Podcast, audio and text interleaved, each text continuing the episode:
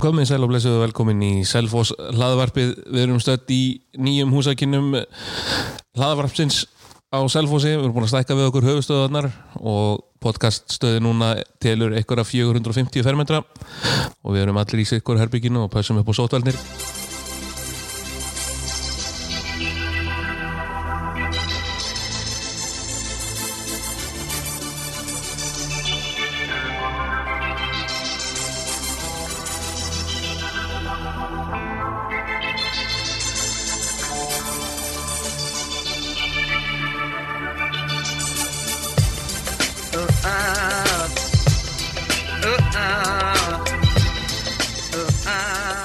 Kvöldsins eru annarlaðir sparksbyggingar af Suðurlandinu. Annar var prímismótor knaspunni félags Árborgar ljósmóður félagsins, formaður, leikmaður fjáraflari, peppari og allt múlið maður. Í skjölum KSI hann skráður með eitt leik en sá leikur var spilað 20. ágúst 2005 þegar reynins angeliði vann Árborg 0-3 fyrir fram 43 áhörundur og selfhósandi utan vallar hins verið hefur verið hamleipa til verka og gengið inn ímsu verk seti í stjórnum og framkant þegar aðrir eru ennað hugsa um að spá í hlutunum. Guðmundur Karl Sigurðarsson, velkomin Takk fyrir Máring Gólumásson Já, við ræðum hann reynisleika eitthvað Við getum komið inn og hann rétt bráðum og, og viðbröð Gunnars Ottssonar við skiptingunum á 87. mínútu en hinn gesturinn er með öllu fleiri leiki og er samkvæmt talningu einna markaðistum mönnum Íslandsmót sinns frá upphafi. Ferillin hóst þó með örnunum þar sem hann hafði einu leikar 1992 en þá var líka gælt við handbóltan aukðið sem áhuga málið bústörf setti strík í reikningin.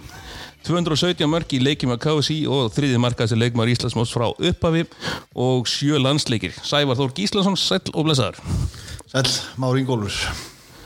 Ef að byrja á leiknum undir einu sangri Tökum fyrst hérna, ég veist ekki að sævarðið ná leik með örnunum Þetta er 92 svo er það ekki 92 Þetta er bara á, á mölinni Já, þetta var með þessi á held ég á gamla hérna, gamla, nýja grasin okkur dag. Já, já, minnir, ég hef komið inn á í 5 mínútur eða eitthvað. Þetta var hörku, hörku klúpur Man, ég gleym aldrei það var æfing Borg í Grímsnesi. Spilum þar, ja, æfum þar Já, eina já. ögu og ég fór í fór í bíl með ákveðnum aðila. Og meðalhraðin var 180 ég hef aldrei að prættur um límitt Já, ernindir svona fyrir hlustendur sem eru ungir og, og veit ekki vel er svona, hvað ég að segja, fyrsta tilrönd til þess að stopna svona aukalega á selfhósi Já, það voru hörku leikmenn í svo liði Ómar Vald og fleiri og, og margir fleiri reyndar. Já, já, það voru alveg hörkur leikmenn að það Dabbi Ketil Já, og uh, svo var hann hérna. Hvað heitir hann? Haralds Sigþór Haralds? Já, og Birgir bróðans þetta var alveg hörku, hörku leikmann mjög fyllið Þá var þetta hvað, í þriðudeldin ekki már? Jú, gömlu sétildinni hörku lið og var á tímabilið svona æfingaðstæða fyrir handbóltamenn á sumrin. Gustaf og Sigur og Bjarna og Já, já. Einar Guðmunds og þetta var nú bara tilvunni í datat inn sko. þetta var bara fyrir einhvern leik, leikarskap sko. þá var maður í handbóltanum full og var hættur í fótbolta. Það er fínt að ég þetta á rekordin Já, þetta, Þetta er- þetta verður ekki tekið. En þetta kostaði mig mikið. Nú, því að á þessum tíma þá var ég að nýbyrja að læra kjötin og það var firmamót í fótbolta veturinn eftir. Muni eftir gömlu góðu firmamótun það sem var á litli mörkin inn í, í vallaskóla þar spilaði ég með höfn það var hörgulið og við unnum mótið en svo vorum við kærðir. Þar sem að ég hafði spilað leik á Íslandsmóti með örnum. Sem taldi held í þrjár til fimm mínútur. Skandal sko. Það mátti ekki vera með mestrarflóksmann Nei, og við mistum, við mistum titilin í fyrirmótu það er svona gaman bara til að láta það detta inn hérna fyrir fótboltáfamenn á Selfossi að 1988 þá spilaði Sveinbjörn Másson þrjá leiki fyrir erðnina var fyrirlið einum. Legendary leikmaður. Já, Já, var ekki markmaður? markmaður. Og, einn, og, einn og ekkert. Hann hefur rætt þetta með þessi, hann hefur talað um þetta. Hann sá ekki neitt nei, nei, hann, hann þykist ennþá að vera efnilegasti markmaður sem að Selfossi var átt sko. svo gerði hann garðin fræðin í dómgæslinni síðar, já. Það, ég held að það er betur við Kameljón Sveinbjörn, hann kemur og við. Kemur víða við En þannig við snúum okkur kannski að fótboltanum og, og sleppum að ræða það er Gunnar Ótsson hristi hausinn og að liða línuna sagði Það er verður að segja, Már kom með mér inn á var tvöföldskipting, Palli Guðmunds tók sjálfan sig út af eftir að koma inn og sem varamæður Já, og Valli Reynis fór út af með honum. Inn og koma Guðmundur Karl og Már Ingólum Ásson Já, það vantaði þunga í framlínuna þessar síðustu Já, mínútunar já. Báðir Jú, jú. og Gunnar Oddsson horfið á okkur þegar við vorum búin að stilla okkur upp í örgulega 3, 15 og 16 hann svo var hristan hausin og lappa aftur inn í skílu og sagði hvað í fjandanum er orðið um þessa deild? Já, og já, það fóru skotnir í hilluna.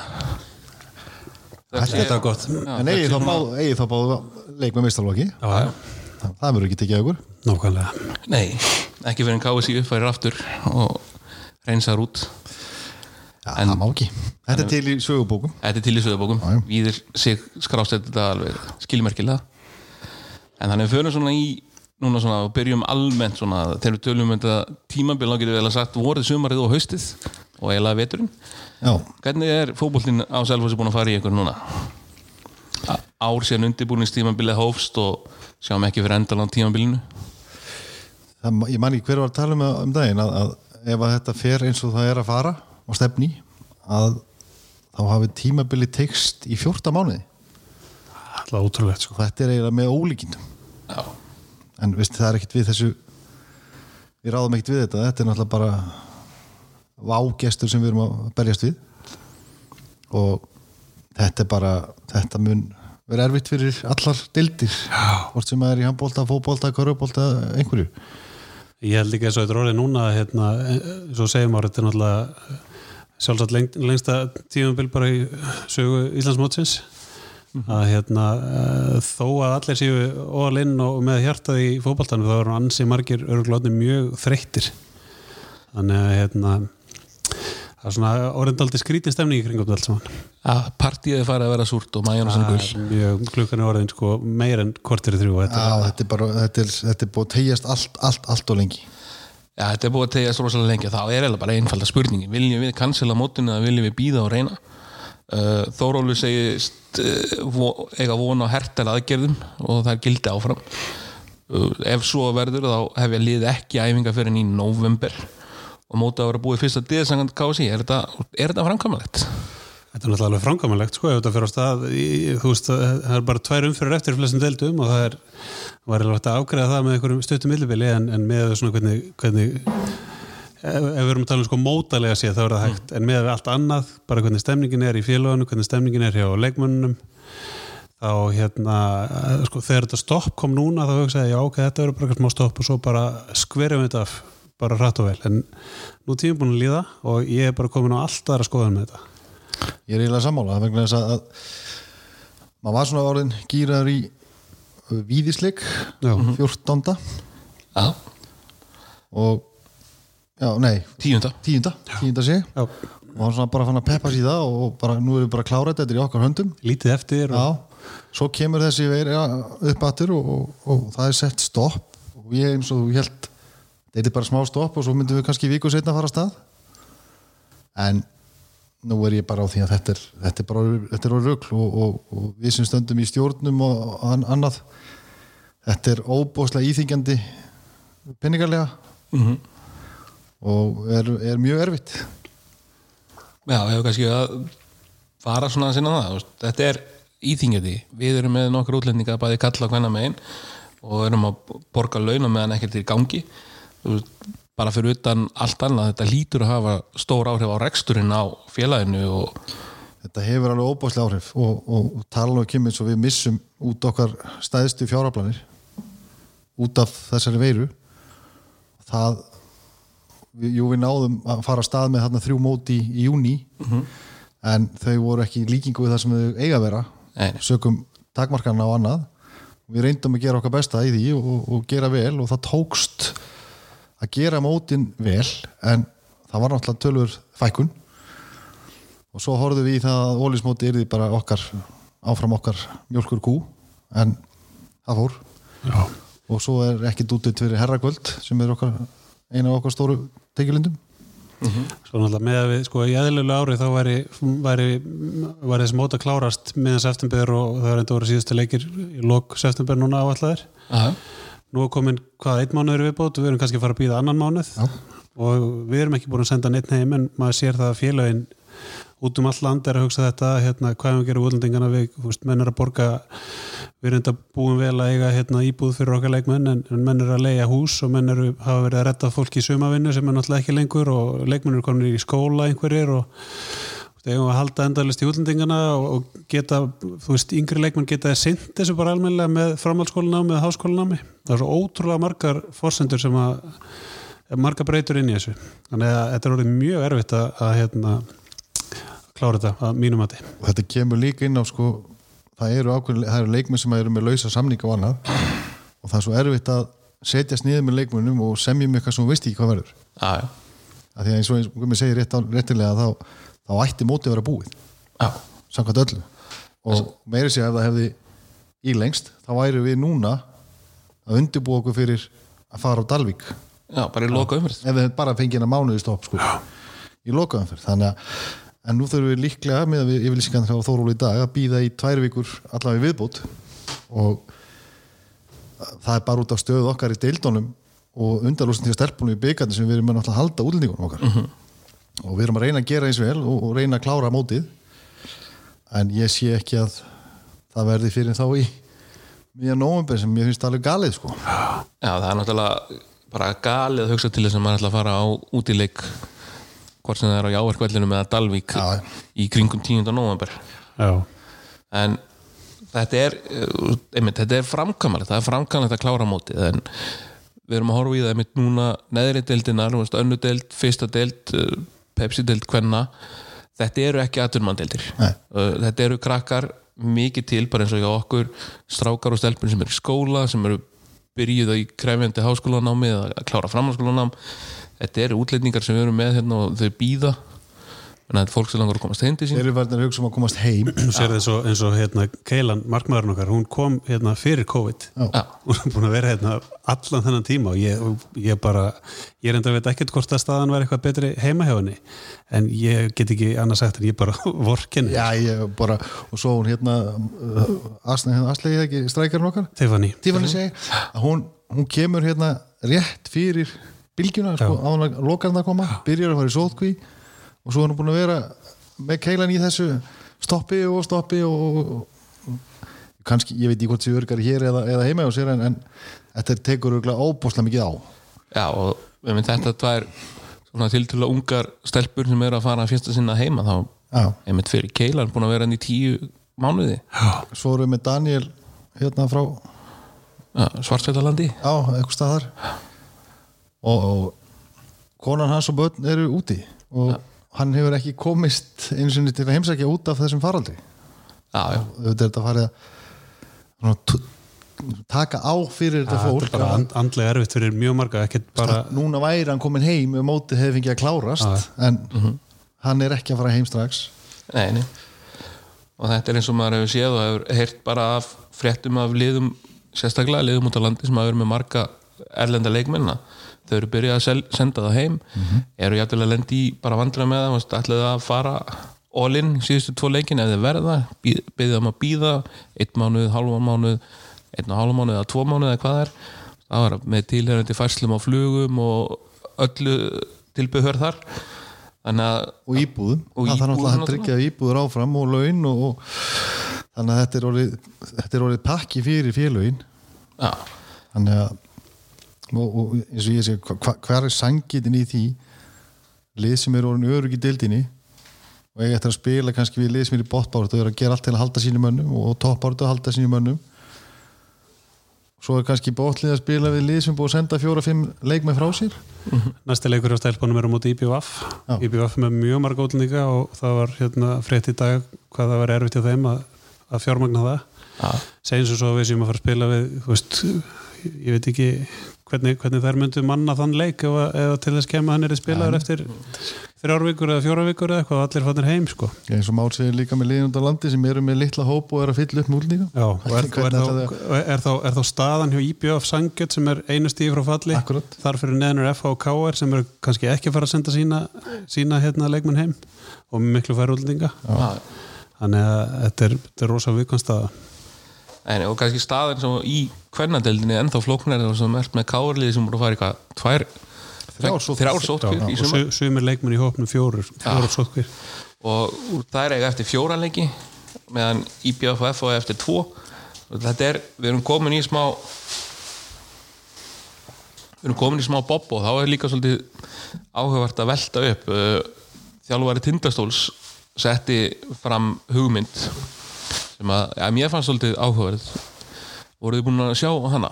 Já, ég er búin að renna yfir þetta Svona eitthvað aðeins, já. Já, bara uh, sem, sem hann taldi þú veist, svo má alveg fara, fara í það sko, hvernig að skipta upp og svona en bara einföld til að það fellur ekkert lið í netni deild og allir sem eiga tölfræðilega möguleika á því að fara upp, fara upp og þá verða bara breytingar á deildakerfinu sem því nefnir lengi deildin þá er til dæmis 13 lega deild með Grindavík Þór, Íbjöfa, Vestra Leikni Fásk, afturlendingu Víking, Þrótt og Magna svo komu Kórdringir, Selfoss, Njarvík og Þróttu Vóðum upp og svo þrjú upp næsta sumar og 16 liði Pepsi. Kvennadeildin er í 12 deild það eru bara öll núverandi liðin pluss Keflavík og Tindastól sem eru búin að tryggja þessu upp. Þannig að er þetta ekki raun og veru ef við ætlum að fara að leita að eitthvað svona sangjörnustu leiðinni sem gerir flesta sátta? Erum við ekki að lenda eitthvað þar? Sko, nú horfum við bara á þetta sem snýra okkur. Ég hef mitt skoða þessar deildir og þar sá ég liðin sem fóru upp þá úr þriðu deildinni. Það voru reynir og Eh, sem er efst núna. Já, það, já. eru efst núna. Og upp úr fjóruðu deildin er að koma KFS Vestmanniðar og IH Já, og þegar ég horfði á liðin og ferðalögin að þá væri líklega betra að flytja KFS lögheimilið á Mývatn. Að það er stittra fyrir þau leikinu heldur en nokkur tíman þeir bara spila flest þetta leiki á Norðurlandi og Östurlandi sko. Þannig að veit ekki alveg með þessar niðurun Jón Nei, þetta er þetta tillæg og hugmynd sko. Já, já, þú veist, það er alltaf að velta lutunum fyrir sér en mér finnst allavega gott að hérna, það var búið að ákveða áður á móti fór að stað hvað er gert, ef þetta myndi gerast. Já. förum bara eftir því. Já bara það er, bara, veist, það, er bara, það er búið að samþykja hérna, reglugjörð, það er búið að spila x mikið á mótinu valsmennur áttur Íslandsmeistarar er á móti stoppa núna og þeir eru búin að vinna fyrir því. Þannig að þú veist, jú, jú, fínt hjá honum að, að hérna, koma með einhverja hugmynd og allt til að hugsa málin en, en ég minna það var búið ákveðaður á móti hófst hvað myndi gerast ef að þetta myndi þessi staða kem upp og ég minna það er bara eins það og voru að fara því og við veitum náttúrulega alveg að KSI er ekkert að fara að taka einhverja tillögu frá görnum og, og Að segir þetta er frábært, við skulum bara samþykja þetta. Það er náttúrulega, þú veist, það tækir kannski tíu ár. En þetta er eins og þú segir, það fóru öll lið af stað vitandi þetta var, yfir, þetta var nýja reglan og það væri hægt að blása á móti ef þetta er 2-3 mótinu. Og það var alveg ég veit að þjálfara lögðu mikið upp með það að reyna að vera í þessum tveim sætum Já. ef eitthvað myndi klika. En sjáu þið það líka, hvað var hérna uh, síðasta leikur sem við spilum, móti KF ég er Nei, móti ég er, já, sem unnum. Já. og fórum upp í annarsæti Já. Mögulega getur þetta verið bara úrslita leikurinn okkar. Gæti að vera og meina, þau ílít mikilvægt að hafa klárað þetta. Þetta er bara eins og að tala við hann um þetta. Hann sagði þetta er bara það sem við erum búin að vinna að. Við vorum á tíðanbili í sjötta eða sjönda sæti. Það gekk ekki alveg nú vel í byrjun. Já, margir í meðslum annað. Eftir COVID-stopp með að já, að við erum búin að vinna ég segja, mér fannst eigum við skili, ég vil klára mótið og vinna þess að tvo síðustu leiki þannig að við sýnum bara að við áttum skilega fyrir upp. Mhm. en hann kom með góðan punkt. Við eigum skilega fyrir upp. Við erum í öðru seti, mótið er stopp. Já, og þetta er regla að þú varst að keppa staðið að komast í fyrstu tvö seti já, þetta var ákveðið fyrirfram allir búin að spila jafnmarga leiki.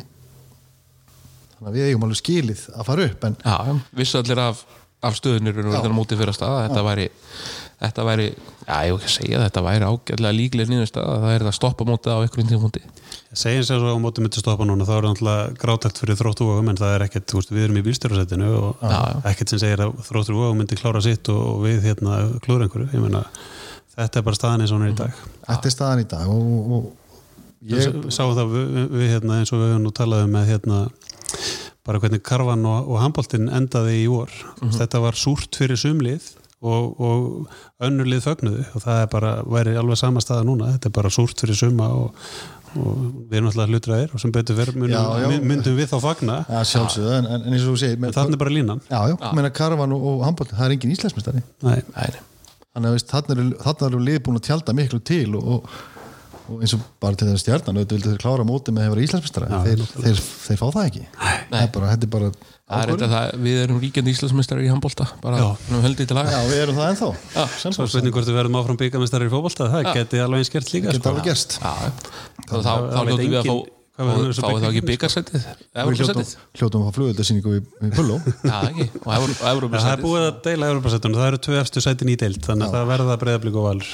Já, en það er fagnar efni, náttúrulega að annarsætið í Pepsi Kvenna sé líka að fara að gefa það Evrópusæti. er, það er það frábært er mjög jákvæmt það er bara, það er stórkonslegt og þessi segir allt um það hvað kvennaboltin er núna sterkur í okkur. Já, En þetta er svona þannig að við kannski kíkjum svolítið bara á núna við rennum yfir sko, einmitt síðasti leikur á strákunum var hann að fremur torsóttur sigur gegn nýringum lendum eitt og lundir en höfum hann að sem ég segja svindkall í deildinni sem er Herra Æve Tókits. Já, sem að setur tvö búin að vera á annari löpin í allt sumar markaðastur í deildinni með 15 mörg búin að spila 5 leikjum minna heldur en næstu menn. Þetta er bara þetta er algjör markavél og, og, og þetta er náttúrulega bara einhver albesti sendir sem hefur komið í þessar deildir fyrstu og aðra deild. Mhm. Eh, hann fekk ekki mikið breyki í, í Pepsi hjá Breiðablik. Það var náttúrulega ákveðin pappapólitík sem reyði því. Hann er alveg búin að sína hvers hann er megnur og, og, og, og það er kannski jákaða fyrir okkur selfisinga, hann er, hann er búin að festa rætur hér Já, hann er náttúrulega það er alveg rétt, hann er, hann er náttúrulega svindkall í þessari deil Algjör. hann er algjör yfirbörða hérna, framherri og hefur tekið leiki eins og þennan nýjir leik og hérna, heimaleikinu móti Kára og fleiri leiki þar sem að hann bara klára leikin og, og það er náttúrulega það sem hann á að gera. Hann er, hann er hérna, fengið til að skora þess. Það er bara þannig, hann er bara frábært að hann skili sínu og, og hann náttúrulega á að skila sínu á þessu leveli, hann er bara það ríkalega góður. Og, og það jákaða við þess að þrjá útlendingar sem eru með að þeir gera okkar stráka betri.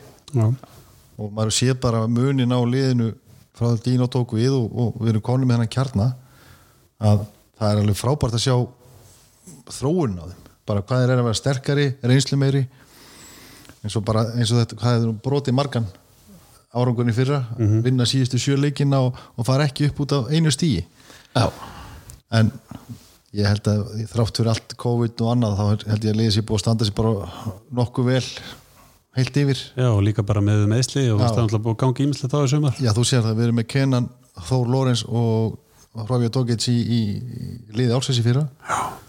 Og móti byrjar og þeir eru allir í skralli Já. þannig að við erum svona nokkur deginn án þeirra á fyrstu leikjónum já, já og náttúrulega herfje, eins og áhengst að segja. Já, var, var eitthvað að tjá mér er með, þú veist hvað, hann er með 15 leiki, hann er bara að missa úr 5 en til að mynda að spila bara fyrirháleikin í tapinu á móti KF úti já, uh, Kenan og Þór eru með átján en Þór búin að koma inn af bekknum og, og spila hann með 72% mínútu hlutvall sem er ekkert spes fyrir mann sem ætti að vera í kringum 90 og það er kannski svolítið sem er áhyggjumál hjá okkur að við erum með að, hvað, við erum með tvo leikmenn sem að ná en að 100% mínútu hlutvall og það eru Stefán og Adam. Já það er hafsendin okkur á markmaðurinn. Já.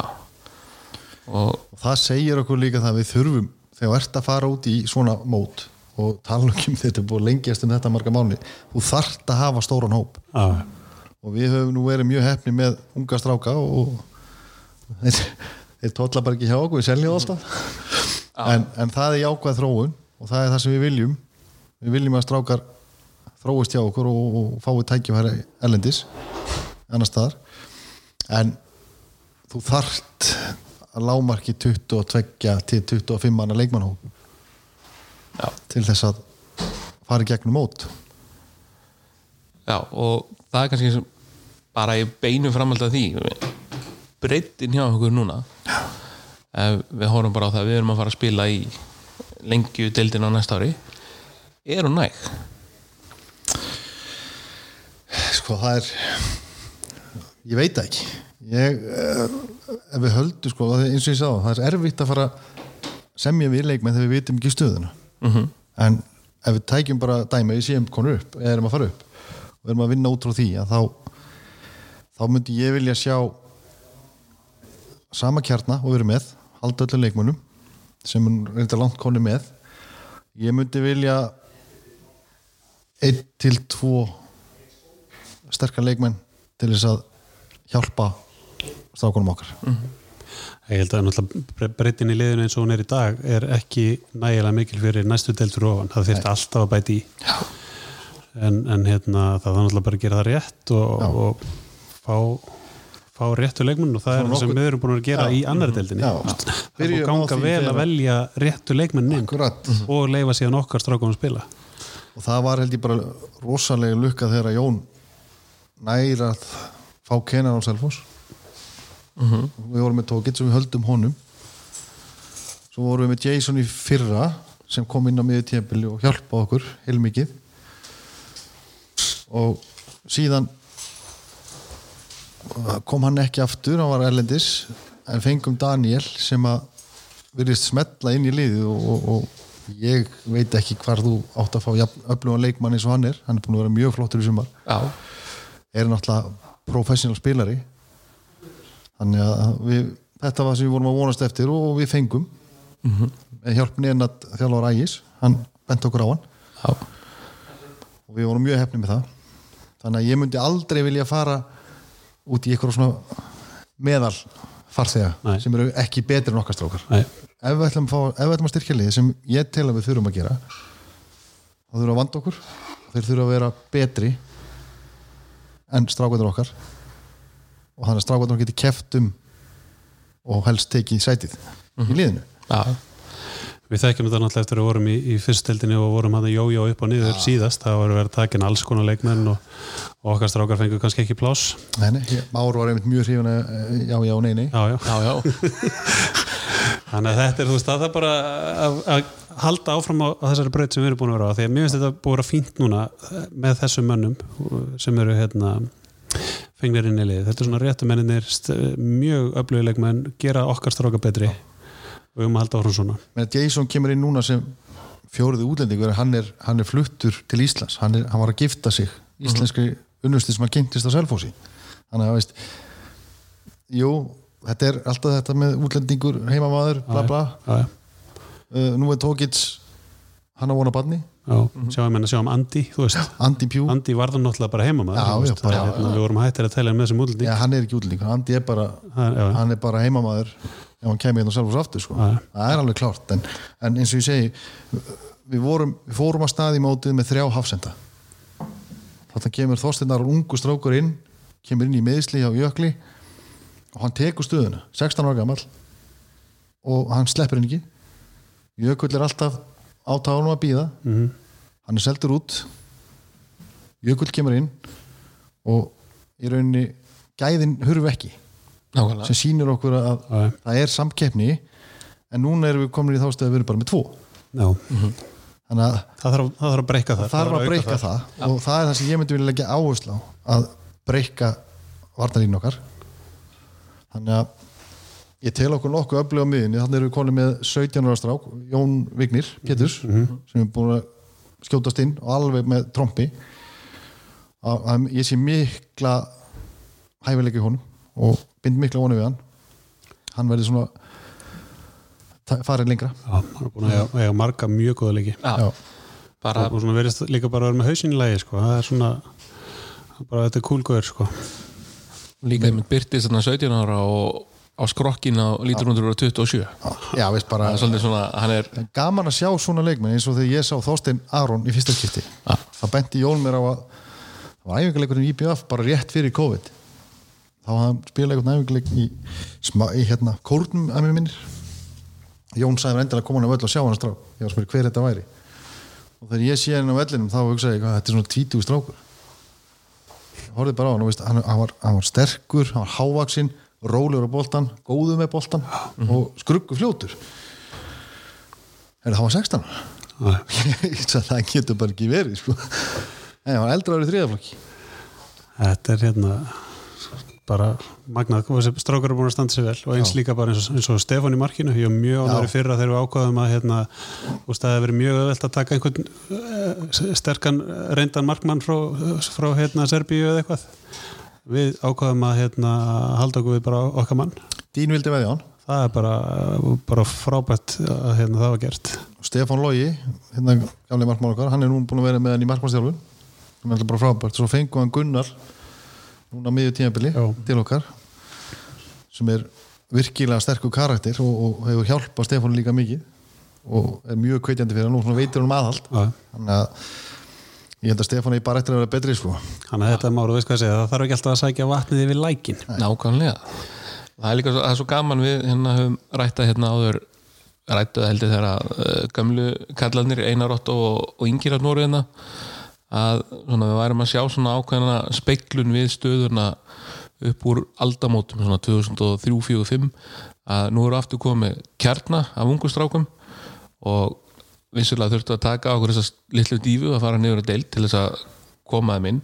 En einmitt í fyrra eins og Einar Otto benda á að bara öftustu fimm sem að markmaðurinn og, og varnalínun öll spila sitt fyrsta tímabil í mistarflokk með hérna, Arnar Loga fyrir framann þá voru með uh, gumma Tyrfings unga nefnilegana að kíkja inn í þetta seljum hann.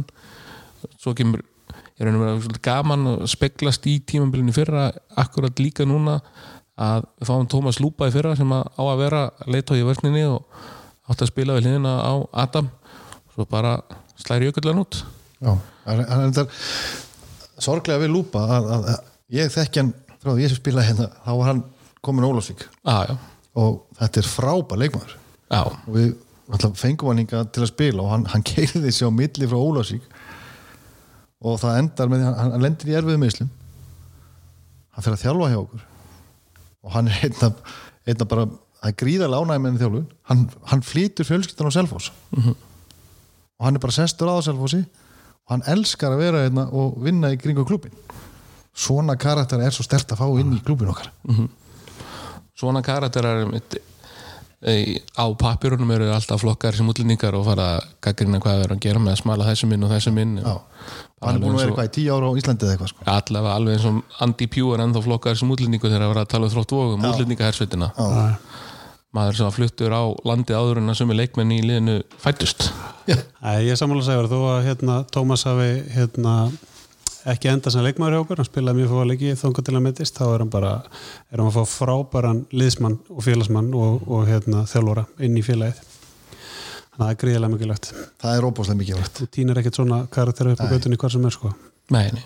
og líka bara, ég veit orðið sem fór af honum í Ólafsvík þetta er bara fagmennska alveg út í eitt. Já, ég hef nú bara einmitt heyrt af krökkum sem eru hjá honum að hann hefur tekið nemyndur frá mér, tali og, og gert það alveg skýrt að þess að þess ekki vel í skóla þá fengiður ekki að mæta æfingar. Já. þannig að hann er, hann er með forgangsættirinn á hreinu. Hann er að þjálfa dóttur mína og hann er bara, þú veist, hann leggur mikið upp úr því bara að gera líka bara stelpunar að bara, bara betri manneskjum skilur, þetta er ekkert bara fótboltinn. Þannig að hann er með ótrúlega skemmtilega nálgun á þetta og allt öðru sér heldur en, heldur en hinn í þjálfararnir sko.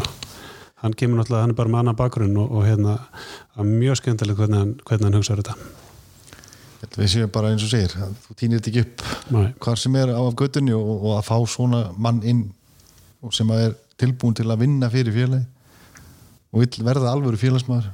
Og eins og þú segir með forgámsleitin á reynu þetta er bara gríðarlega mikilvægt fyrir okkur og bara, bara fyrir kvennastarfi líka að, algjörlega, og hann er, er mjög mikil ánægð með henni þjálfun. Þú getur, getur votta fyrir það það.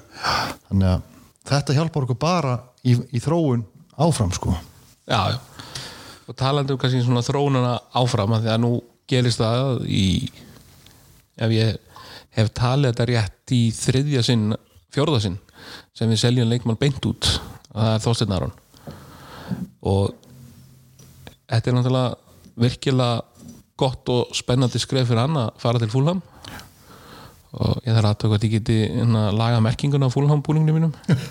Óttu Helgursson, eða? já, Sigursson og Helgursson, nummer tíu Já, Sigursson held ég hvort það sé átján, ég man ekki hvað það var fór í þeirri veiku vonum að sjá Raka sig spila en Já. þá var hann búin að kúplast út er engin með Böðvarsson ekki fúla Nei. en uh, Salan og Þórstinni þetta er vantilega hvað erum við að fara að sjá þarna þú veist? fer til fúlham ef ekki að byrja á einföldu spurningun eitthvað peningur í þessu fyrir okkur Sko, ég held að þetta hafi komið okkur öllum á óvart og það sem að við kynntum okkur náttúrulega bara, þetta er náttúrulega alveg nýtt fyrir okkur, þetta er yfirlega farið gegnum umbósmána og annað. Og leikmenn hafa farið út á reynslu og það er komið og skoða og þetta er svona ferli en, en þarna fáum við bara tilbóð og við vorum búin að kynna okkur það hér og þar hvað svona stráka væri seldir á 16 ára gamlir.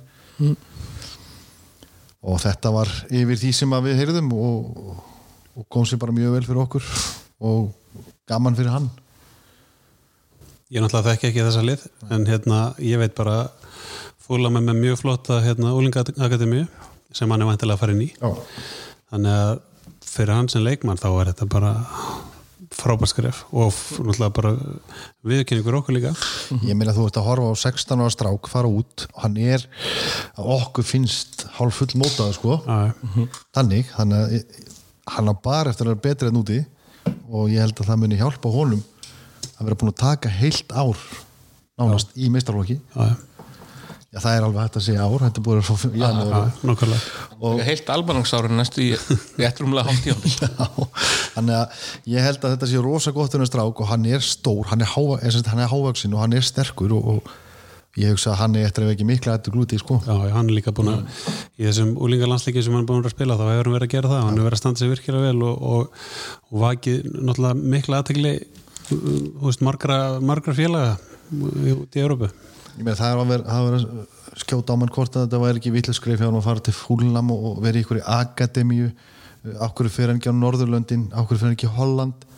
Hvað erum við búin að horfa upp á síðust ár? Ungi strákar frút, hvað eru þeir? Þeir eru komin heim Já. í breyðablik flestir. Þeir týnast heim. Okkur ekki að prófa þetta og, og, og, og sjá hvað kemur út? Meina, er ekki einn leikmann sem hefur farið upp í gegn matið er ekki Gilvi eða hvort Eyður e, Gilvi er svo einu sem hefur farið í Já, akademíunar Gilvi var hjá Redding var ekki? Hann hann og, og, og fyrirvændi Stormcenter hérna á Selfossi Viktor Unnar. Já, Já, já, alveg rétt. Þannig að þetta er alveg hægt. Já, já, þannig að En það er náttúrulega, þú veist, það er x stórt mengi í þessum akademíum, ég veit ekki 30-40 strákar og það er kannski tveir sem meika það, skilur Já, já. þá er ég að tala um stóra meiki já, svo náttúrulega ef hann er ekki að ef hann, ef þau sjá potensial í hann hann kannski ekki alveg tilbúin í aðalið fúlam, þá, þá er hann oft, þá er þessi strákar lánaðir. Eins og Gilvi, hann var lánaður hingað og hann var lánaður þangað og, og hvað gerist þú? Hann bara hann fór upp á við. En hvað sér þess að, hvað fengu ég er ekki alveg klár, það sem þetta er svona árangustengt og annað. Þú er eiginlega bara að spurja bróðin snúið upp á hann. Hann segir aldrei neitt maður. sömu svöru ég fæ. Já. Það er allavega gott að, að hérna, við séum að fá einhverstaðar tekjur þetta árið. Þetta ætla að hjálpa okkur að, að einhver leiti en, en, en þetta er með þessum COVID stoppum þá er þetta að fara út í gluggan bara Já, í annan kostnað sko Já, já. en, en þetta, er, þetta er erfitt. En mér finnst þetta mjög, mjög spennandi múf persónulega og ég, ég er svona eiginlega ákvaða leðu ég heyrði að Fúlham væri að fara í hann þeir eru bara síðan þarna mögulegan á nýjum Brett Hagaland já, svona risastór og ljósarur hafsend sem skallar allt í burtu. Ég sko svo horfur við líkið það maður að þetta er svo stert fyrir okkur sem klúpur að við erum að selja leikmann beint út í fúlam Já, það hlýtur að segja okkur að félagi er að gera eitthvað rétt. Já, já, Veistu, við seljum Guðmund Tyrfingsson upp á Akranis þar er þetta að horfa á tvo af þeim, þeirra líkir muni farin út núna, báðir, seldir. Að endalust til af strákum þar, þetta er alltaf Íslandsmeistrar til tveggja ára í öðru flokki. Þannig að það er nægur efnum með þar og eitthvað sjá þeir í Gumma, vilja fá hann. En þetta er bara óbúslega jákvæmt fyrir okkur. Og svo seljum við tvær stelpur. Ég, veist, með fullir vinningu, þetta veit ég ekki til þess að hafa gerst á Selfossi. Já, bara, bara yfir í kvennaboltan það er ekki verið að það er ekki verið að kaupa leikmenn fyrir peninga mikið sko. Nei, þannig að veist, þetta er á þessu ári búin að selja fjóra leikmenn það, við erum að gera eitthvað rétt. Já ég, ég get svo sem ég held ég geti bara alveg staðfesta hér og nú að Selfoss hefur aldrei selt leikmann út í kvennapoltunum, ekki Dagný og ekki Kristrúnu. Nei, ekki gummu. Ekki Gummu. Gumma var lánu til Norex Já, og Kristrún fór til Ítalíu. Já, reyndar það var nú örlítil fjárhæð þar inni. Já. en það var bara svona einhver, uh, ekki bara eitthvað svona eitthvað, eitthvað rúmlegt félagskiptagjald sko. já, en, en eins og hérna hún Anna Björk og eins Berglind Björk fór frá breyðablík í, í samalið það var bara ekki bara tilbúð upp á x krónur og það er bara eitthvað sem að, við höfum ekki séð áður. Hvenna megin Hvenna megin Og hvað eru að, þarna aftur Hvað eru að tala um í krónum fyrir önnu? Já, það, þú er eiginlega að spyrja um bróðuna því. Við getum ekki verið að gefa upp hérna þessar við, tölur. við gefum ekki þessar tölur upp það er, það er, það er en nei, það er, það er önnur tala sem er fyrir út um gluggan ef að móti verið klárað. Já. En ef við setjum þetta upp í, í selfist samhengi erum við að tala um að geta kipt nýjan Skoda Octavia eða nýjan Mitsubishi fyrir þetta? Nei, þetta er nú kannski sko, það var nú helviti gott hérna, ég má nú til með að taka það grín. Þegar að Sveinbjörn heldur minni að Sveinbjörn það er tilkynnt dín að Gummi væri farin upp á Skaga þá eist í dín. Að þegar alltaf Gummi var reynda á samningi og þetta var svona, eins og segir, rétt rúmlega félagskiptinga þá sagði dín, er dín til ég var alltaf í húsasmíð og kaupa tvö hjól fyrir ákóða að Já, við erum ekki að tala um nýja bílamál. Þetta Nei. við erum- þetta eru notaði bílar. Þetta eru Gæti notaði bílar hjá, Já. hjá röggað upp á Já, en kannski uh, gæti verið að skrýða upp í góðan jæfling já, já. Góða jæfling Ég er búin að vera að skoða það á þannig ég get gískað verið Þetta er svona bara, þetta, eins og segja, þetta er bara frábært fyrir okkur og, og, og eins og hvernig hólfríður hvernig málið með hólfríði var, var tæklað og það er bara aðdánuvert að 36 ára gammal leikmaður sem er gjössanlega sínt allt sínt okkur allt sem hún getur og þessi hotlusta, hún er að fara út í tvo mánuði. Hún er keift út í tvo mánuði.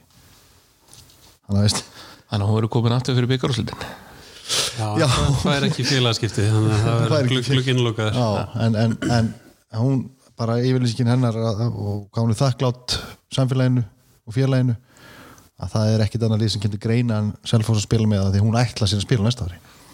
Það ég þekki þín fríð aðeins og, og veit hvers slags keppnismannskjum er að ég held að hún sé ekki hætt. Nei, hún þarf að, hún þarf að klára á, á hæ.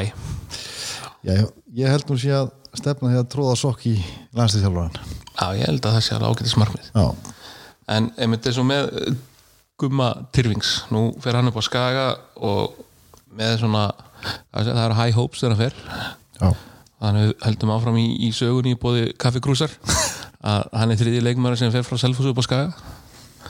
Að það er Palli Guðmunds og og hann hérna hvað er hann? Óli, nei, Skúli Jónsson Guðjón skúli Guðjón Skúli Guðjón Skúli, já. Alveg rétt. Guðjón Skúli Jónsson. Ég myndi bara til Palla. En eitthvað ég var þetta líka? Og ég var hann líka og uh, Gummi fer hann upp. Hann byrjar á því að hann kemur inn á hann í, í byggarleiknum mútið val.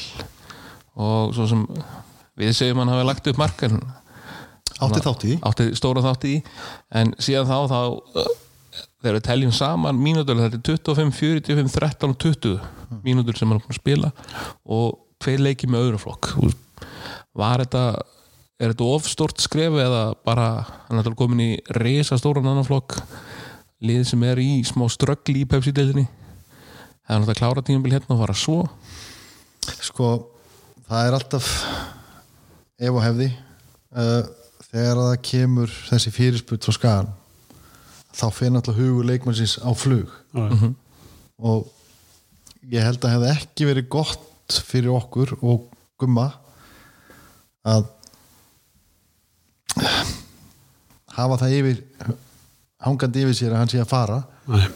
ekki það, ég, ég veit að Guðmundur myndi leggja sig alla fram í að Selfoss. Þegar hugurinn er komið, þetta er komið svo langt og umbóðsmaður að honum og, og þrögla og þá ertu farin að missa einbendinguna og maður var að hafði ágjörað þegar hann var á bekknum í síðasta leiknum okkar. Það var náttúrulega bara 100% taktík. Já, bara, var ekki bara daginn áður en hann fór? basically að En ég velti þessu fyrir mig mál líka veist, eins og að segja, ég fór að hugsa veist, að því hann var að spila síðan lítið og, og ég náttúrulega gerir mér ekki grein fyrir því áður en að fóru bakgrænins hvort hann myndi spila mikið með þeim núna eða ekki sko, en við höfum náttúrulega að sjálfsögðu geta notað hann allt þetta út tímambilið og hann hefði síðan þá farið setna en veist, hugurinn kannski komin annað og, ég, ég held að þetta hafi líka bara mjög flott múf hjá honum að fara. Mm -hmm. kærast hann segja frá skaganum og hann fer bara inn, inn á heimili á henni. Hún er náttúrulega búin að vera hérna hjá honum. Já, hjá Tyrfingi og Rögnu þannig að, að Gummi getur þetta alveg. En, Já, já, já. en svo eins og Gummi segir, ef þú horfir á hópin hjá skaganum þá er þetta stæðstu hlutin af strákum sem er að koma upp úr öðrum flokki Íslandsmeistarandi til tveggja ára hann, hann er að fara í alvöru Já, samkeppni ríkilega sterka samkefni sko. Og hann fekk þessa mínútur en ég, ég held að hann myndi fá meira en hann hefur ekki verið í hóp held ég núna í þrjá, svolítið tíma sko. já, þrjá, þrjá leiki allavega. Þannig að kannski er þeir en, en Jói Karli talað um hann eftir fjöldisleiki, þá var hann að tala um þessar stráka sem væru fara tryggvi og þessir og, og svo væru við með þennan og þennan og svo Guðmund Terri Vings og hann, hann, hann, hann er ekkert bara glemtur sko. Nei, nei, það er einmitt eins og við erum búin að tönglast á með þetta sterk annarslokklið sem eru Íslandsmeistara 2018 og 19 að voru þessi liði hjá þeim, það voru tveir hjá Nörgköping, einn hjá Kaupmannahöfn sem þetta FCK, einn í Venecia, nýju sem spilaði með IA í Pepsi-dildinni fjóri í lengjudildinni, tíu í annar-dildinni og tíu í fjóru-dildinni og nýju sem er ennþá í öðrumflokki þetta er náttúrulega þetta er svakalegur hópur sem er að detta inn í. þetta er hópur sem að Sigur Jónsson hefur mótað Já, hjá Skagan þetta fekk ég bara staðfest í minni keppnisverði í sumar með FC Ísland. Þá voru þeir hérna á æfingu annarflokkur rétt það sem við vorum að spila. Og Siggi Jóns að stjórna. Og þar voru þeir hann að spekingar að spjalla og þar heyrði svona utan að sér að, að Sigur Jónsson væri búin að búa til alveg gríðarlega flotta stráka í öðruflokki þetta er líka svo stór hópur sko, og, mikil bara þú veist þú finnur ekkert víða svona stóran hóp af, af svona efnilegum og, og geða leikmunum sko. Svo hafa þeir náttúrulega kára þeir hafa skallagrím og veist, en þeir eru alltaf kallaði tilbaka og þetta, þetta, er, þetta er alveg sko, maður tekur hatt sér ofan fyrir starfinu hjá skaganum í öðrum flokki sérstaklega og yngra flokkum. Þá er svo eitthvað ströggli í meistarflokki þeir munu njóta gósaði alveg klálega og Jó, Jó er að gefa ungum strákum séns, þetta er bara þólum aðeins vinna. Það er bara svo leiðis Róm var ekki byggða einu degi sko. Nei. Nei, en eins eins og þetta segir, þeir hafa þeir hafa kára, þeir hafa skallagrím. Eh, þeir eru búin að setja upp svona bara kerfi í raun og veru á Vesturlandi þar sem að þeir eru lið nummer 1, 2 og 3 það vil allir fara þangað. Já. og er þetta ekki er þetta ekki músíkin sem við höfum að spila eftir hérna á Suðurlandinu? Sko, eini, eh, sko Kári er náttúrulega í annar dild Já, og þar fá menn mikla reynslu við erum í annar dild svo er ægir búið að vera í þriðu og verða uppi. Er það ekki, þeir eru öryggir þeir, þeir eru ekki öryggir þeir, þeir eru eru leik. þeir, eru öryggir náttúrulega núna sko, Já, þeir núna. eru, ef þetta stoppa núna. En þeir eiga eftir, eru nú úrslitaleiki lokanfyrirna móti hugin hætti mögulega. Já, og huginn höttur er að senda leikmenn heim. Já, já en eins og staðin er í dag þá eru þeir í hvaða áttunda sæti að ég þannig að við höfum verið með mjög, mjög þéttur bótnin hann Mhm. í þriðdeldinni við höfum búin að vera með held ég tvo til þrjá stráka núna í ægi og þar á meðal Sigur Óli Já, sem að ég sé að geti orðið mjög frambræður leikmar í okkur lendur eitthvað í leiðundum með Íslemuna viðbyrnsbrotnaði, Anton Breki líka. Anton Breki. Þetta, þetta gerist aldrei fyrra sko. það fóru, fóru þrýleikmenn í Ægi, fóru þrýleikmenn í. Árborg og þrýri á Hamar og þetta er náttúrulega eitthvað sem að við hefum ekki verið að sjá að, að hérna svona móðustöðun og selfhósi sé mikið að, að deila út leikmennum en þetta er bara jákvæmt og þeir eru að fá verkefni í alvöru fótbolta og eins og hérna, ég hef ekki reynd að sé marga ægisleiki núna í sumar en eins og ég sá Antonberga nýri þólasöfni í fyrra hann var stansið ríkala vel. Og ég menna þetta skila sér. Þeir spyr, tóku síðan allt undirbúinstíðanbili hérna. Já, já, Anton Breki spilaði hérna einmitt hennan títnenda í bjafleik Já. skoraði, Já, flottum skutluskalla og veist, maður sér alveg potensial í strákum. En svo er þetta, það er ekki það, það má ekki engöngu horfa í félagi hvað ætla félagi að gera fyrir mig? Þetta er líka hausin á strákunum. Hvert, hvert ætlar þér Það er allavega greiðilega að mikilvægt að þeir sé að fá þetta Já, tækifæri og þeir eru bara frábært, sko. bara það er þeirra að hérna, gera sitt besta úr því og nýta það vel. Og Nenad þjálfur æg, hann er mitt dugluður að vera í samskiptum Já. og fá stráka og, og hann var hrifin af strákum og fekk það aftur eins og Sigur Óla og fleiri. Þannig að þetta er jákvætt. En eins og segi, þetta snýst líkum hvað ætla þeir sér, ætla þeir bara að vera og fara að spila með ægi og þetta er bara fínt. Ætla þeir sér lengra, vilja hann á lengra það er allt undir þér sjálfum komið. Alveg svo Jón, Jón Vignir og, og, og, og Þorsendar sko. þeir bara ætluðu sér. Já, og hafsenda parið okkar núna, Adam og Jökull, þeir svo sem bara Sér- voru komin í dútli. Adam fór náttúrulega í ægi. Bara í eitthvað dútl og kom svo bara til Dino og tók þetta bara all-in og Já. við sjá En búin- að taka þá heilt með Já. í, í hérna fullorinn svopalta Já, þannig að veist ja, þetta heila tíma var hann ekki, kom hann ekki, var, fór hann ekki í einhverja heimsreisu og eitthvað og fór svo í ægi og Jú, hann ætlaði, hann hann að vera hætti hætti fótbolta, hann tók líka hann tók eitt leik með Árborg. Já, eða tvo. Já, ég hef búin að lofa Arnar Helga að koma á Árborg eins og ofta að ég er svo hægt er sko. Ja, svo það má líka nefna bara eins og í sumar að hérna, náttúrulega yngir var ekki að fá hérna, spiltíma upp af tímabils Já, já. og fer síðan og, og tekur fimm leiki í fjóradeldin með Árborg. Kemur svo aftur. Kemur bara upplöðu tilbaka þannig að það er alveg þetta Meina, sa- sama, við horfum aðeins lengra aftur í tíman Þorsteinn Daniel, Já, hann fyrir Árborg. Yngvi Rafn, sama ár. Já, og þeir koma bara sterkar tilbaka þá var, þá var náttúrulega Árborg í annari annar deiti Já. þannig að veist, þetta, þetta munar óbúslega miklu. Og það er ótrúlega munur á þriðudild og annar dild þó menn kannski halda að sé ekki en það er óbúslega munur. Já, en bara þetta er fáið tækifæri til að spila hérna, meistararúsópalta það er bara ótrúlega mikilvægt þannig að það er, að það er óbúslega líka, líka Yngvi Rafn. Já, Já það er mik- hann verður að fá smásins hver er meðalaldurinn í selfarsliðinu ef Yngvi Rafn er tekin út um enginu? Á, við, erum með ekki með, við erum ekki með gamall lið. Er, er Þorsteinn Daniel, er hann næst elstur eða?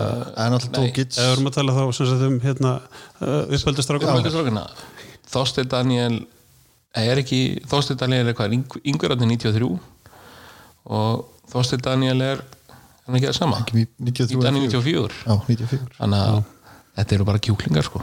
Við erum með bara 26 ára og þeir eiga sko notabenni fyrir að sín besta ári það eftir er oft talað um að leikmenn eru á topp toppnum frá 27 til 34 Þannig að ég get, ég get ekki hafnað því vegna þess að Nei, þú er það alltaf mjög besta ár hérna á síðustu ára Já, já. og Selfoss allavega. Þannig að veist, eins og segi hvað ætlar þér og hvað er hugurðin er hugurðin 100% í fótbolta? Eða er hann 70% í fótbolta 30 í ykkur öðru þannig að þetta er bara hvað ætlar þér? Já, við erum, við erum, með, við erum með að mínum að erum við með topp þjálfara þetta, þetta er maður sem að kemur liðinu sín í form. Og ég held að Dino sé að gera óbúslega góða hluti með strákarna og við höfum ekki orðið varið við neitt svona negin leiðindi í hóplum kannski með flotta blöndu, Dino, Otto og Óskar. En þetta er eitthvað sem maður hefur ekki bara ég hef ekki séð liðið í svona góða formi síðan 2009 þegar við fórum upp. Nei. hlutlust marg En það er samt sko og svo er þjálfarinn í besta forminu. Já, og aðstofþjálfurinn í næst besta. Já, þetta er rúndlega rosalegt sko. Ég heyrði sögða hérna í vor. Held að það var bara fyrsta æfing. Eitthvað fjara 5 km hlaup og Dino stakk af og saði svo næsta eitthvað ég á ekki að vera fyrstur. Ég held að Þormar hafi hlaup úr sér lungun og var undan honum sko. En það getur Þormar hlaupið endalust Já, þetta er bara frábært. Þetta er bara geggjað sko. Það var svona kannski þannig að við kíkjum líka aðeins á kvennaboltinni okkur, við höfum svona aðeins komið inn á söluna á bæði önnu og fríðu og einmitt hvort þið sé peningur í kassan og svona en það náttúrulega var mikið látið með að það er annað kom hérna að þetta væri bæntalega dýrasti leikmaður íslensk kvenna fótbolta frá upphafi og miljónaliðið á selfossi og allur sá pakkin uh, þurfum ekki að vara mikið í þetta þetta er, það er smá krónur í þessu og hóndi náttúrulega koma bara- að bá tilbaka. Þetta var alltaf bara kjæftað ég skil ekki okkur að þessi sami podcastari hefur ekki uppljóstræðin kaupverði, hann lítur að vita það líka. Já, það mátti alveg að gaman að þessu. Já, ég meina að þetta er náttúrulega bara einn maður uh, þjálfari liðs í annarlega sem að byrja að blása þetta upp að þessi dýrasti leikmaður og, og, og, og svo fer hann í kallaboltan og selfósi með dýrasta liði í deildinu og, og við vorum í viðra með hans leikmann og við gáum, við, við gáum hann ekki sem færa því við vissum launakröfunar það veist, ég hlust ekki á svona bull sko. Nei, nei, menn verða að segja eitthvað í podcasti. Já, það er, það er Það annars, annars það engin það þarf að varpa sprengjum. Já, já, búa til umræðefni við, við hendum ykkur eina góða sprengjuna rétt bráðum. Það má ekki gott hann út. Nei, hún var ekki klift út núna. En ég, ég heldur endur sko að þetta snúið svolítið bara um að hann er ennþá fúll eftir meðferðina þegar hann var hérna um árið Já, já, þessi tveir hafa náttúrulega ekki, er, þetta voru ekki besti liðsmenn sem að við höfum fengið svona í gegnum tíðina, ekki svona ef- ef ef skoðum söguna. já, Nei, öflugur út af allar og skiluðu ykkur inn af allar en uh, stelpunar núna það er uh, á þrýr ef ekki fjóri leikir eftir að tíumbylun já, þeir tökum byggari með IBF heima og spurningi hvort að IBF komið til með að hafa í lið. Og svo valur úti og svo náttúrulega breyða bliki undarslutum í byggar uh, við erum held ég svona ef ég er búin að skilja umræðan okkar undarfærna mínútur ég held ég séum svona konur að það að mótið verði blásið af. Ef við, ef við þrýrættum að kjósa núna þá er það blásið Já, ég held að það sé nokkuð örugt þá erum við ekki að horfa í, eins og menn myndi segja að því að við erum í öðru seti heldur bara ef þú hugsaður um félögin, Já, peningarlegu liðina uh, hagsmunni leikmanna, fjölskyldur þeirra og bara allt sem tengist þessu að því að þessi veira er á blúsandi ferð og hún er ekkert að fara að hætta núna á næstu viku sko. Já, og náttúrulega fyrir utan bara að hugsa um hag Óla Sótvöldafyldur og hann er á velli sko. hann er ekki að vera lindur hann frá átta á mótnana sko. Ég, hérna, nei, þetta er þetta er hérna uh, neini, spurningaverður, við náttúrulega vitum það ekki núna það, þetta eins og sé, það verður það kemur upp ný stað á fimmtudaginn þegar að Þórólu skila sínum tillögum sem hann gefur í skín að séu ekki að fara að slaka á. Og með við alltaf þá er hort í alltaf tvær vikur þá eru konu í 20. oktober og stelpuna fara þar út. Þannig er að ég sé bara ekki að þetta sé hægt að klára þetta. Nei En Ólín sagði að kvennandeldi myndi ekki byrja aftur fyrir í november Já. Káar liða eftir fjóra leiki þá var það að spila ansi stíft hraðmót hann til að klára ef það á að klára. og hvert ég Já, ha, og, og Káar vill vantilega ekki fara inn í eigilsöldin aftur. Næ gera ekki ráð fyrir því.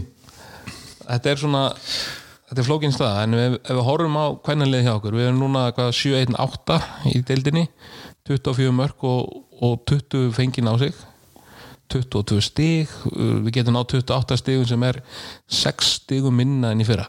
Erum í þriðarsæti uh, er ekki kannski svona áhyggju efnið að tapa til dæmis báðu leikinum gegn fylki og tapa útileiknum gegn uh, IPVF og ná einu stíi gegn þrótti? Við erum að spila vel gegn stórulegunum og illa gegn þessum minni liðina sem við eigum faktist í að stýra leikunum Þú ert búin að sumera þetta upp vonbreiði sumarsins. Já, að tælja þetta upp. Jú, og þetta eru, þú veist, eh, þetta er náttúrulega það eru vonbreiði að hafa ekki náð að bæta árangurum frá því fyrra. Við vorum með 34 stíði fyrra og vorum svona mjög afgerandi þriðasættinu en eins og þessi leikir sem nefnir hérna, leikirnir á móti fylki leikirnir á móti þrótti þetta eru jafni leikir sem við náum ekki að klára náum ekki að skora mörg og það er kannski svona mesta vesin á okkur þar að við erum ekki að hérna, ekki að skora náum ekki að mörgum uh, IBF leikur og náttúrulega bara uh, skanda allavega ekki að klára það. Þannig að hérna en, en uh, margir svona jafni leikir sem við erum ekki að ná að loka og ekki að ná að skora. Og breytir engu þurru upp í staði að við höfum munni breyðablík og verið fyrsta liði til að skora mútið þeim og, og eitthvað svolítið, það skiptir engu máli. Nei, að skora 66% mörkunni sem það fengi á sig í Já, það er enda náttúrulega bara frábært fyrir þá sem hafa gaman að tölfræði. En hérna e, hann að þetta er búið að mikil vanbriði finnst mér að, að hérna, miklu leiti sumar en síðan má líka bara horfa það veist, við erum hérna við erum í topp þrýr á Íslandi annaður röð og, og veist, við vorum í annari deildinni, fyrstdeildinni fyrir hvað, tveimur árum Mhm. þannig að vera á þessum stað við erum á mjög góðum stað en því miður bara ekki með náða mikið stöðuleika og, og hérna breðablík og valur eru liðin í deildinni sem hafa sínt stöðuleika þá talaðum við fyrir mótið að þetta er því jöfdeild og liðin færa að kroppa stig hvort öðru.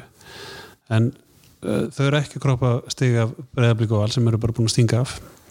Og það er náttúrulega bara mjög svækjandi ég hérna og allir í kringum þetta hefur náttúrulega viljað sjá alltara, alltara stöðu. Já, það er náttúrulega bara staðin í deildin er svolítið kjánalega þegar við erum að horfa í það að breyðablík og valur er með 42 og 40 stíg og svo erum við í þriðasend með 22 Já. og það er ekki nema 60 í, í bótsætið En þetta sýnir, líka bara í kvennaboltana að þessi einokun sem hafa fyrir nokkrum árum þá var það K.R. Breiðaflík mm -hmm. stjarnaval, þetta var, þetta var alltaf skipt bara á tvölið við reyndum og vorum með yfirlýsingar fyrir mót. Djarvar en frábært. Við hendum þessu út í kosmósin hendum inn sprengju fengum hann aðeins í andlitið en við brotnum ekki. Nei. Þetta, og þetta, þetta hjálpar okkur líka en á móti kemur ég sammála gumma þú súmur er vonbriðin í sumar. Auðvitað vildi maður sjá fleiri stík í vasanum og, og, og bæta árangur með að við verum að setja fullt í liði, við verum að fá sterkar stelpur inn. Við fáum Dagný, við fáum Önni Björk, við fáum Klöru frá Vestmannu sem er mjög bara frábær leikmaður. Alveg búin að vera einn af betur leikmælis í sumar bara. algjörlega. Uh, ákveðin vombri einhverju leikmenn og, og eins og það er bara. En ég held það sem hafi háð okkur að miklu leiti er breytt hópsins. Breytin er ekki nægilega mikil reynslan er ekki nægilega mikil. Við erum búin að fara í nokkra byggarústaleiki, við erum búin að vinna einu sem titilin en þetta er reynslan er bara ekki næg og breytin er ekki næg. Sérstaklega núna þegar er liða á mótið og þú veist við erum með, við erum núna við erum með Dæníu metta, við erum með Caritas metta uh, Fríðafarin, Annabjörg farin þetta er svona, þú veist uh, þetta er rosa brotætt sko en hérna ég segi bara þú veist, bara klárum þetta og tökum bara, uh, getur vel verið að byggja að vera kláraður, ég veit Já, ekki hvernig ég, fer að- er það geta alveg strýtt breyðablík Já, já. þó svo við sem búin að missa það tvær en, en svo náttúrulega má ekki gleyma ljósa punktin í, einna, einna ljósustu punktunum í þessu fáránlega sísoni. Við vorum að eignast alanslismann í kvennaboltanu upp balinn, Barbara Sól sem er alltaf bara frábært. Já, hún er búin að fara upp í gegnum allt starfið okkar og hún er búin að skila sig inn í aðlandslið og er enn í, er í hópnum. Búin að fá fyrstu mínúna sínar. Og þetta er náttúrulega bara frábært fyrir okkur og fyrir alla þjálfara og félagi að fá aðlandsliðskonu uppalda sko. Líka bara hérna, fyrir yngri leikmenn við erum með margar hérna, margar stelpur uh, og uppleið svona kannski eftir nokkur ár þú veist að hafa fyrirmynd eins og Barbara. Og þú veist Áslegu Dóru sem er búin að sér Dóra. fráblega líka. Hann er eftir að koma inn líka. Þannig að hérna, veist, það eru margir ljósipunktur í þessu þó að hérna, kannski uppskeran hafi ekki verið svona eins og við ætluðum að ekki eins og við gerum væntingar um. Og þetta með hérna, þessi kommenti í, í uh, vor, ég gerði engar aðtóðsendur við að þá að við ætlum að vera sko. Við, við vorum hérna, mjög samfærandi í þriðasettinni fyrra, við fengum inn besta miðumann í deildinni, við fengum inn besta vardamann í deildinni, sterkara lið auðvitað ætlum við að gera betur þú veist, hvert er markmið ykkar í sumar? Já, ætlum við verðum ekki bara í þriðasætt Akkurat. áttum við að segja það? Kannski áttum við ekki að blása þetta svona rosalega mikið út. Getum haldið hérna, meistara markmiðum okkar fyrir okkur sjálf. En eins og All- Alli saði um mér eitthvað það var settist maður hlekki á okkur. Já, já, en núna eru þeir farnir. Við erum ekki að ná þessu markmiðum en það verður ekki hlusta á okkur næsta ári það verður hleyja okkur. Já, já. en þá kannski komum við bara sterkar tilbaka. Þetta er nefnt uh, Barbara spilar hérna á móti lettum og kemur inn á í hálfleik og bara stórgóðan leik. Stóð sem mjög mörg laður tvö mörg og það var hendi hérna fyrir svona lausnin frá Selfossi. Vandræðastaðan í íslenska landsliðinu já, já. leist og þetta er ekki samanstað að þú spilaðar í landsliðinu það var hæri bak. Hægri bakverður þú varst reynda með ansi sterkan móteri á þér. Það er ekki kaka? Já, það er svona það er eins og betur eftir fullri lettandir verðingu fyrir letlandi en, en, en tökum það ekki af, af Bára hún stóð sig hrikalega vel. Frábært, frábær. frábært fyrir hann að fá, fá hérna, fyrsta landslíkin Já, það kom sér alltaf vel í þessum ég sagt, ég spila tvo já, sjölandsleiki, við spila tvo sem bakverður annars við erum móti sátum úti og svo Brasilíu. og það kom sér mjög vel á móti Brasilíu að hafa þeir í handbólt alltaf já, bara hlýða hreyfið já, hlýða skrifin í vördinni þetta var, þetta var mjög jákvæmt það var stimplanir. Já, Nei, og það, við erum að horfa við Áslu Dóra vonandi næstinn. Ég meina Áslög hún er búin að sína það í öllum yngri landslegarum hún er bara fastamæður og hvað er þá næsta skrif? Já. hvert ætlar hún sér? og einmitt ekki eldri þetta hún er hvað, 2003 17 að 17 spila í U19 eða ekki? Og, og, og, og þetta að fá komið tvö heil tíðanbíl sem meistarflóksleikmaður Já, hún horfir í það, hún er að, fá, hún er að spila eins og þú sagði með besta vartamanni dildarinnar Já, og frá- frábært hún er hann að fá bara að fengja reynsla af því. Með, með besta miðjumann dildarinnar og á mínum að þetta er besta, svona, bestu sexuna í Caritas líka. Ég meina að hún er, hún er, hún er í rosalega flottum kjarna sem er bara hjálparinn og, og ég er alveg samfærið um það að Áslið Dóra, hún á ekki mörg ár eftir á Selfossi ég get alveg síðan að fara erlendis Já, að spila en, en ég held að hún ætti að að hún á alveg potensiál að fara í landsliðið. Já, algjörlega, framtíða mannskja þar. Alveg klálega. En það verðist vera svona vandin við hvernanlið hjá okkur í gegnum árin hefur verið markaskorun. Já, og segja, meina, við erum með eitthvað 22 mörg í 24 mörg núna sem er með því betra sem við höfum náð. Tiffany með nýju og við höfum ekki náð leikmanni í tveggjastæðu tölu markalhutvalli markaskorun síðan gumma. Nei, 2015 þá var Gumma með 13 mörg og Dæni með 10 já, Fríða með 7 í fyrra sem var mjög gott sko. En, en þetta hefur vantað og, og hérna útlendingarnir sem við hefur að fá einn síðustu ár framirarnir, þeir hafa bara ekki verið nógu góðir. Nei. Tiffany er ekki búin að spila alla leiki fram enn sinni sumar en hún er alltaf að, að laumin mörgum, hann er mjög klóku leikmaður. En hérna jú, hún hefur glátt að skora meira og, og Fríða náttúrulega skoraði bara þrjú mörg í deildin í sumar, bara í einu leik. Já, að tvö, það var var eitt ekki að henni, alveg rétt. Það þannig að, sér þú það veist, bara ef þú horfir á kvennaboltan þú þarft, ef þú ætlar að vera í topp þá þarft að vera með tveggja marka já, mannesku og að tveggja stafa já, mannesku 15 marka manneski, það er bara svo leis 12 til 15 mörg Já, því horfið bara á borgarstjóra sem var á Akureyri, Sandra Meijor hún gerði mikið fyrir lið. Uh, Berglind Björg hún hérna Elimetta já, Já, þetta eru enga smá vélar, Sveindi sem núna tekur við bara. Já, þú sér það, markaðastu leikmennir í, í Pepsi Kvenna núna eru bara, þú veist, það eru bara þrjáru breyðablík og þrjáru val. Þannig að, og það er allar í, í, í tökjastæða tölu, sko. Það er ekkert annað lið. Og svo munið til Chloe hjá Já. IBF veist, það er ekkert lið með Elimettu eða Berglind Björg sko. og, og hörpu henni í gamla daga. Nákvæmlega. Veist, harpa, já, harpa þegar var hann stjórninu það vantar svona stelpu inn hjá okkur. Það var, ef við fengjum svona leikmann, það væri algjör já, veist, ég, ef, ef við fengjum manneski sem er að skora 10 til 15 mörg á tímabil þá erum við í mjög góðum málum sko. að mér er fundist í sumar hún Tiffany við rættum um dæmið síðast þegar hún Svala, Svala var hjá okkur að hún minnir mig mjög mikið á Donu Kay, Henry. Já, Já, hún er kannski ekki beint, hún er ekki fox in the box en hún er svona TV-stípan af leikmanni, hún er alveg ótrúlega dugleg en já, vantar kannski svolítið svona enda, virðist líka detta svona á rétta staðin þar sem boltinn dettur. En er, er, er lausnin okkar kannski í vesturbænum núna? Byrja með hashtaggi gumma heim á Twitter. Ég veit það ekki Guðmund er alltaf velkomin að selfa sæltur, það er bara þannig, sko. það er alltaf þannig. En hún er náttúrulega búin að er að koma upp úr erfiðum meðslum, hún er ekki búin að spila heilan fótballleik síðan í september fyrra þannig til hún mætti okkur núna daginn og skoraði reyndar mjög gott mark. Mm Þannig að, tapaði sem betur. fyrr. við, vitum alveg hvað gumma getur en, en hérna okkur vantar svona, okkur vantar frammeira sem skorar ég væri til í að fá 10-15 mörg væri til í að fá gummu heim. Mótið mitt byrja með hastakið Já, og væri til í að sjá hana taka svona alvöru alvöru undir bústifil það sem hún til sleppaði að fara í, í bakarið á mótana og bara ætla sér. Það er EM á næsta ári. Já, já, og sem fyrir um landslískona þá hlýtur það að kýtla hana. Hvað er hún, hún er 20 og hvað er hún gömul? 27, 6 hún er 26 ára. Það hlýtur að kýtla hana jafn mikið og 36 ára nákvæmlega.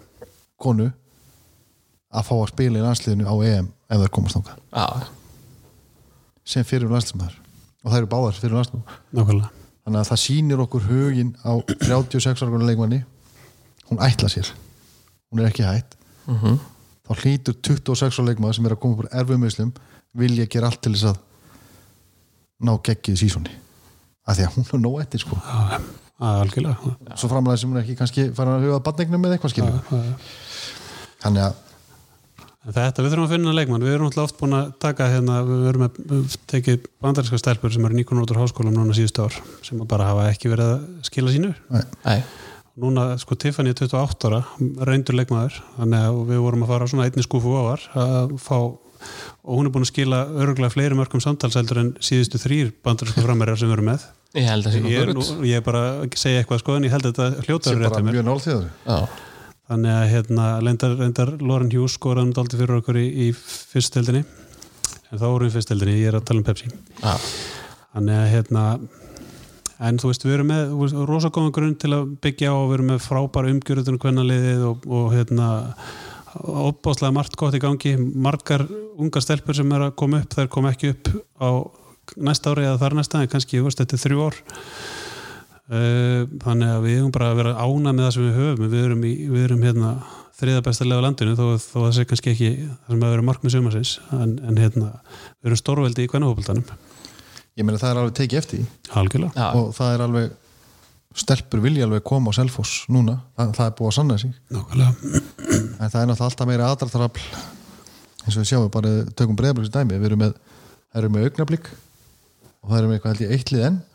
Já, annar flokki náttúrulega. Og hvort sem er tvö eða þrjú lið í öðrum flokki. Þetta er ekki smá fjöldi að leikmönnum í kvennaboltanum í breyðablík og aðdrartrafl er náttúrulega mjög mikið að fara í breyðablík vera með þá rekordum verið í breyðablík svo eru kannski hlutaði sem spila bara um augnablík eða var ekki lengra sko. En eða smáranum eða hvað þetta er. En þetta er kannski svona til að fara að setja punktin aftan við að tæknumæðurinn er orðin óþrjöfullur uh, næsta sumar, það er náttúrulega flókið að kíkja í kristalkúluna þegar við vitum ekki nákvæmlega hver staðan verður fjárhagslega, hvernig, í hvað deild við hreinlega verðum eða hvað eða hvernig, eða hvort á tíma blir klárist við erum næsta sumar? En að hvað hefur að segja, markmið næsta sumar við náttúrulega, við setjum alltaf markið hátt. Já, og hvað sagði var sem gamall reyfur og, og stjórnarmeðlumur, hvað er markmið fyrir næsta sumar?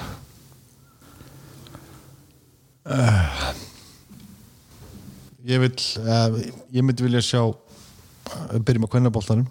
Mm. að gera allu að topp tveimur.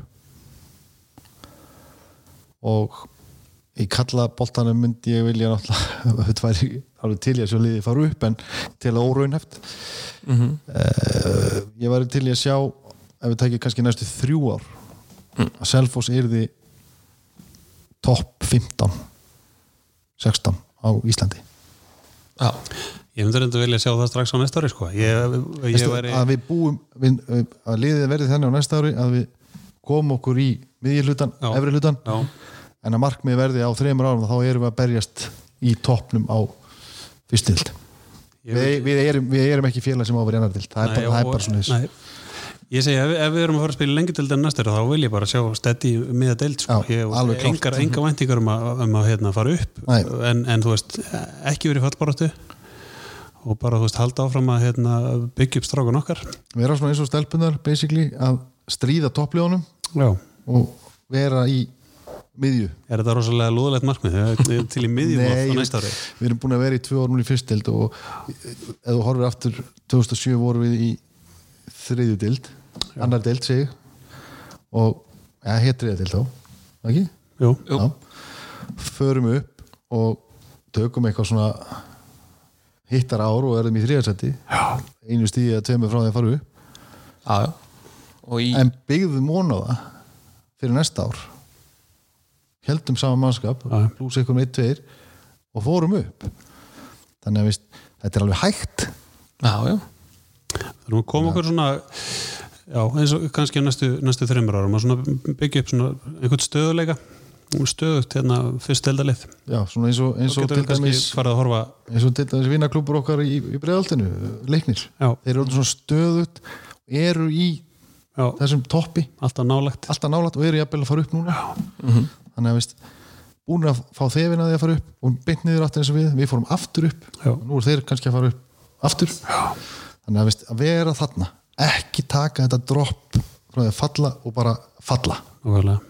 Ég segi varandi kvennalið, þú veist uh, vonandi bara klárum við byggarmestara, verjum byggarmestar tillin í, í vetur ef að það mótur klárað þannig að við tökum þá að næsta ári lengi byggarmestarar, uh, mestaramestarana uh, byggarinn þriðar í röð og Európasæti. já, Er þetta ekki eitthvað? Þetta er eitthvað til að vinna með, sko. Já. enda sprengju henda sprengju já, já, ég er alveg til að taka undir þess að sprengju og við hefum að taka topp tveir sæti á næsta ári. Það er í í stelpunum, það er ekki spurning. Við erum með lið sem er alveg sambarlegt við val og breyðaflik við höfum alveg sínt það. Við höfum búin að sína það í sumar.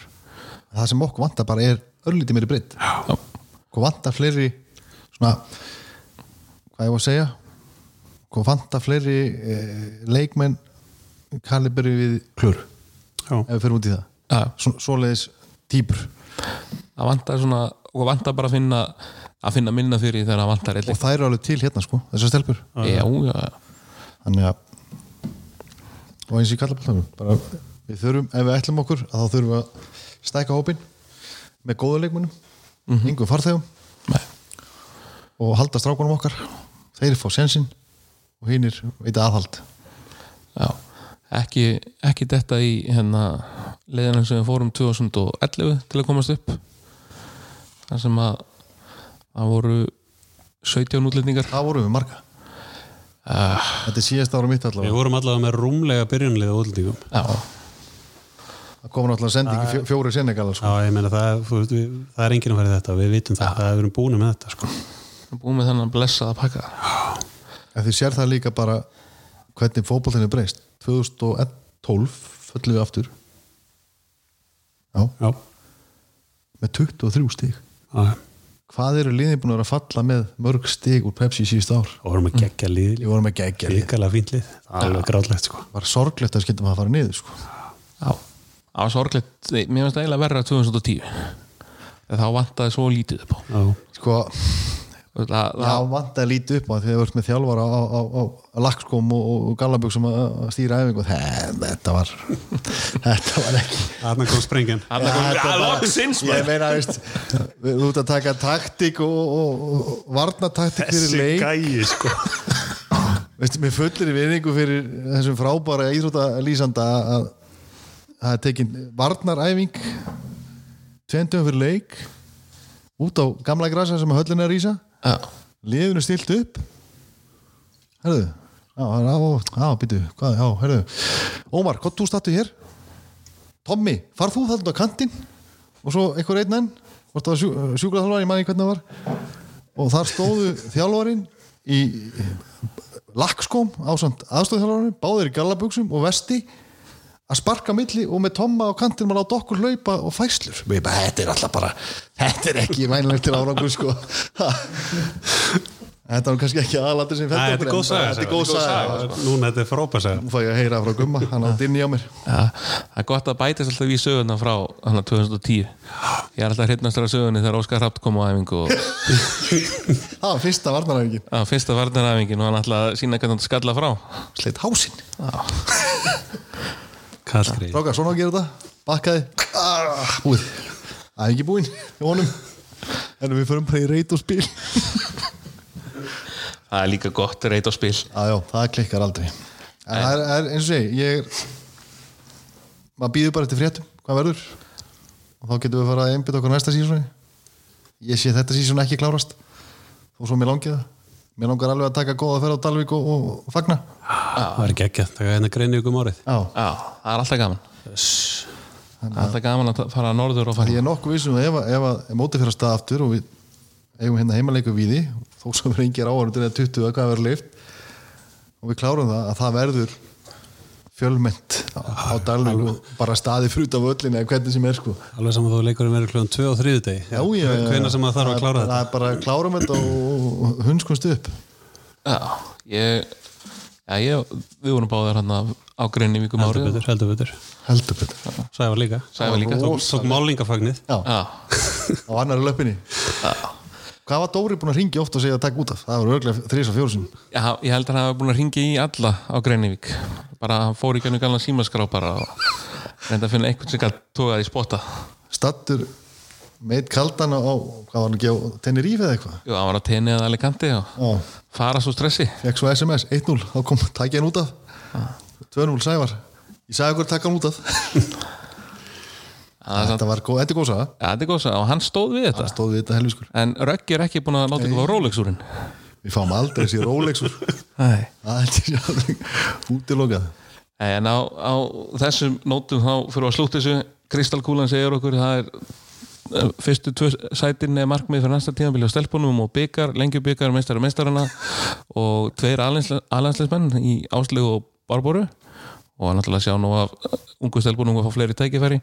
Strákarnir stabilir í lengjudeldinni topp fjögur sæti var fínt.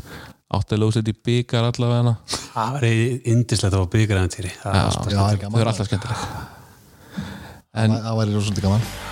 Við erum komin hérna í klukkutíma góðan og á þessum orðum þá líkum við selva slaga okkur í kvöld úr Kaffi Krúsar stúdíónu og við erum okkur vel að lifa.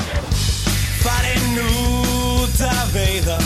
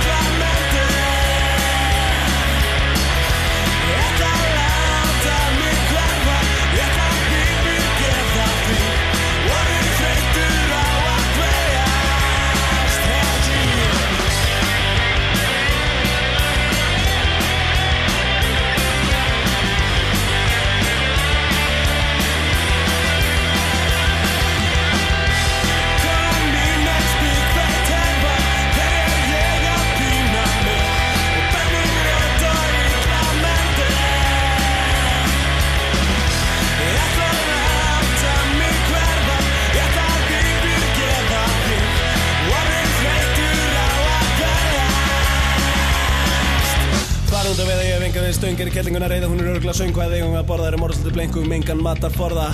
One time, two time, one time. Wow, motherfucker